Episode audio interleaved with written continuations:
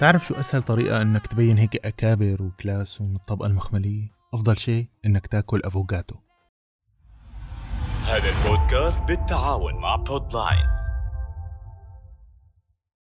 أنا الدكتور عبد المنان فاضل دكتوراه بالتغذية العلاجية والالتهاب وأستاذ محاضر بجامعة ليفربول جون مورز ببريطانيا.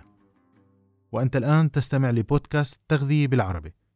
بودكاست علمي خفيف بيحكي عن التغذية ولكن بأسلوب مبسط. أهلا وسهلا فيكم بحلقة جديدة وخلينا نبدأ.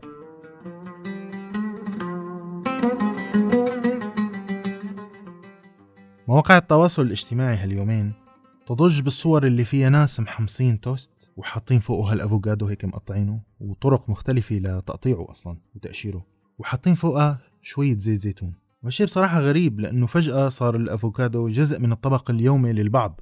ليش؟ سبب. قال لأنه مليء بالفوائد وخصوصا وخصوصا الدهون الصحية. وهون بحب أقول إيه الله يرحم هديك الأيام اللي كان الواحد منهم يفت خبز وشاي وينادي له سيريلاك الله يرحم بس.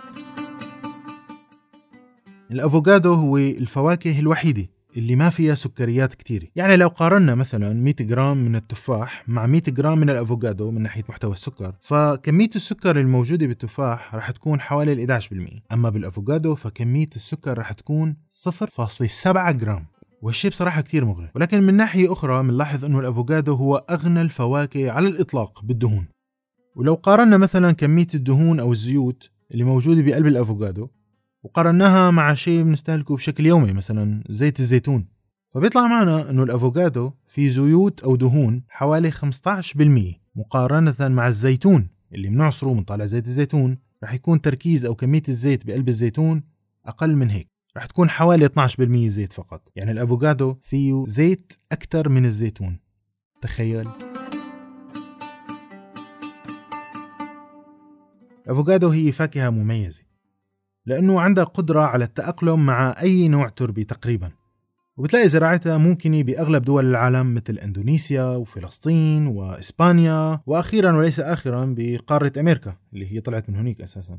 هلأ أغلب الإنتاج العالمي من الأفوكادو بينزرع بأمريكا الجنوبية بدول مثل المكسيك والبيرو وكولومبيا والبرازيل. من ناحية الاستهلاك أكثر البلاد استهلاكا للأفوكادو بالعالم هي الولايات المتحدة الأمريكية. وبعدها بتيجي الدول الأوروبية ومؤخرا نحن العرب بلادنا العربية بلشت تستهلك الأفوكادو بكميات جنونية نوعا ما. وبعض المحللين قد يعزو سبب بدء انتشار استهلاك الأفوكادو بالبلاد العربية هو لأنه الأفوكادو غني بفيتامين البرستيج انت واحدة elegant تصحي تاكلي كرواسون عايزة حد معاه money يعيشك عيشة funny. ياخدك honeymoon معاه طيب هلأ في شيء بالنظام البيئي اسمه water footprint يعني البصمة المائية. البصمة المائية يا جماعة هي كمية الماء اللي بنحتاج نستخدمها لنسقي النبات أو نشرب الحيوان مثلا.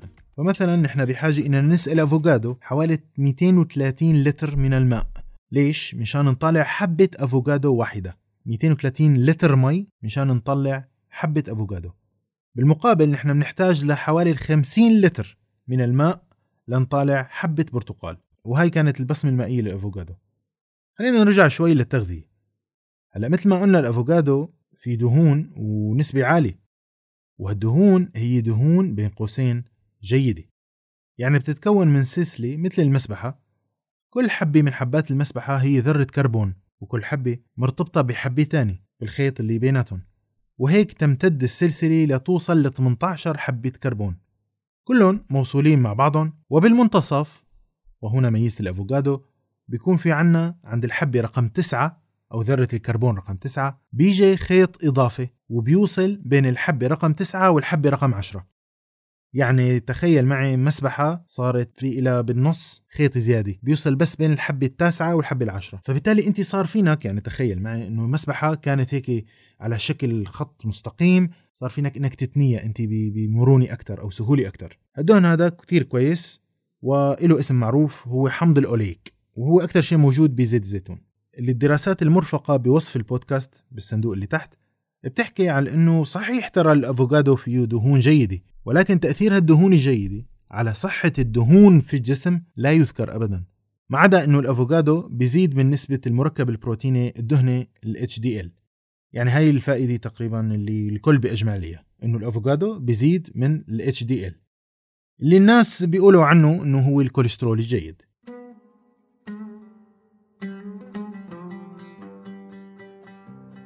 طيب هلأ نحن عرب والأفوكادو ليس جزء أساسي من غذائنا اليومي. وفي بلادنا خيرات صراحة وفواكه محلية سعرها منطقي وبيتناسب مع قدرة الناس الشرائية. هذا من جهة. وبنفس الوقت فيها فوائد تتعدى الأفوكادو اللي هو فكرته أنه فيه دهون مفيدة. على فكرة ترى أي نوع زيت فيه نفس الدهون اللي موجودة بالأفوكادو رح يكون عنده تقريبا نفس التأثير. اللي بدي أقوله أنه حلو الواحد يجرب ويشوف ثقافة غيره ويجرب شغلات جديدة وأكلات بهالحياة. ولكن متى عندما يكون لدى هذا الشخص القدرة على شراء هاي الأشياء أو هاي التجربة؟ فمثلا الأفوكادو السعر المتوسط بالعالم حوالي للثمرة الواحدة حوالي 2 دولار وهو سعر باهظ الثمن خصوصا في بلادنا العربية. لكن بنفس الوقت التجربة ما هي أساس نمط الحياة تبعنا. حيث انه ندخلها نحن بشكل يومي لاطباقنا الغذائية. إلا طبعا إذا كان مستمعنا الكريم عنده بقى مزرعة الأفوكادو وقتها بنقول له 100 صحة وهنا ولا تنسانا هيك بكم ثمرة أفوكادو من عندك. هاي كانت حلقتنا لليوم من بودكاست تغذية بالعربي. بقدمها الدكتور عبد المنان فاضل دكتوراه بالتغذية العلاجية وأستاذ جامعي بجامعة ليفربول جون مورس ببريطانيا وإلى لقاء آخر في الحلقة القادمة. السلام.